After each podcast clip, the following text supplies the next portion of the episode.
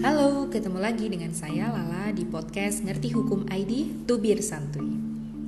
Memang berita soal kenaikan bea materai dari 3.000 dan 6.000 menjadi satu harga yakni di Rp10.000 di awal tahun 2021 ini didasari oleh pasal 5 Undang-Undang Nomor 10 Tahun 2020 tentang Bea Materai atau UU Bea Materai yang berbunyi Dokumen sebagaimana dimaksud dalam pasal 3 dikenai bea materai dengan tarif tetap sebesar Rp10.000.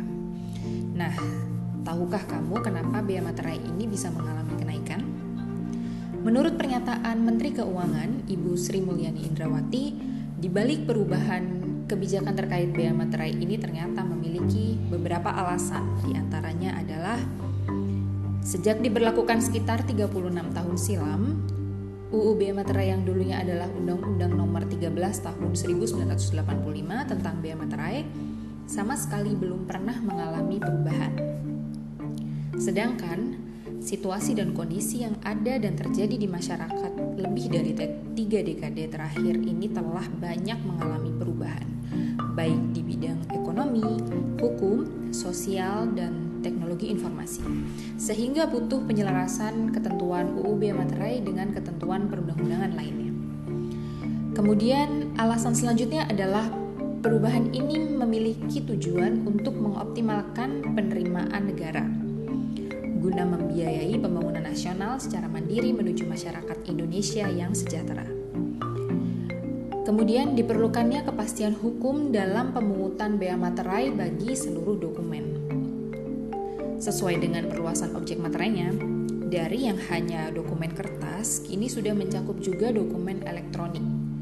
Jadi nantinya uh, dokumen elektronik ini uh, dibubuhkan dengan e-materai namanya.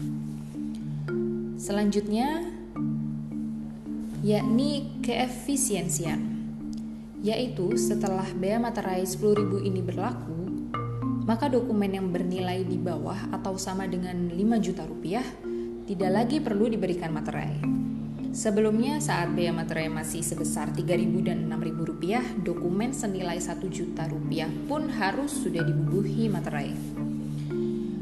Sesungguhnya pengaturan ini merefleksikan adanya keberpihakan pemerintah kepada masyarakat, khususnya sektor usaha mikro, kecil, dan menengah atau yang biasa disebut dengan UMKM. Seperti dikutip uh, dari kata Ibu Menteri Ibu Sri Mulyani. Selain itu, uh, alasan mengapa biaya materai ini naik, yakni meningkatkan kepatuhan pemenuhan kewajiban pembayaran biaya materai dan mencegah terjadinya tindak pidana. Karena dalam UU biaya materai yang baru ini mengatur tentang norma dan sanksi administratif dan juga pidana. Ya, intinya sih perubahan kebijakan dan kenaikan bea materai ini menyesuaikan dengan perkembangan teknologi dan komunikasi serta kelaziman internasional dalam kegiatan perekonomian. Karena tentu diperlukan ketentuan perundang-undangan yang memberikan kemudahan dan juga ketertiban administratif dalam pengelolaan dan pengawasan penerimaan perpajakan.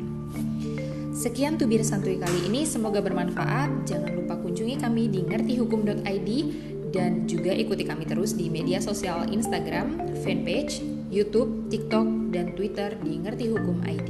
Terima kasih.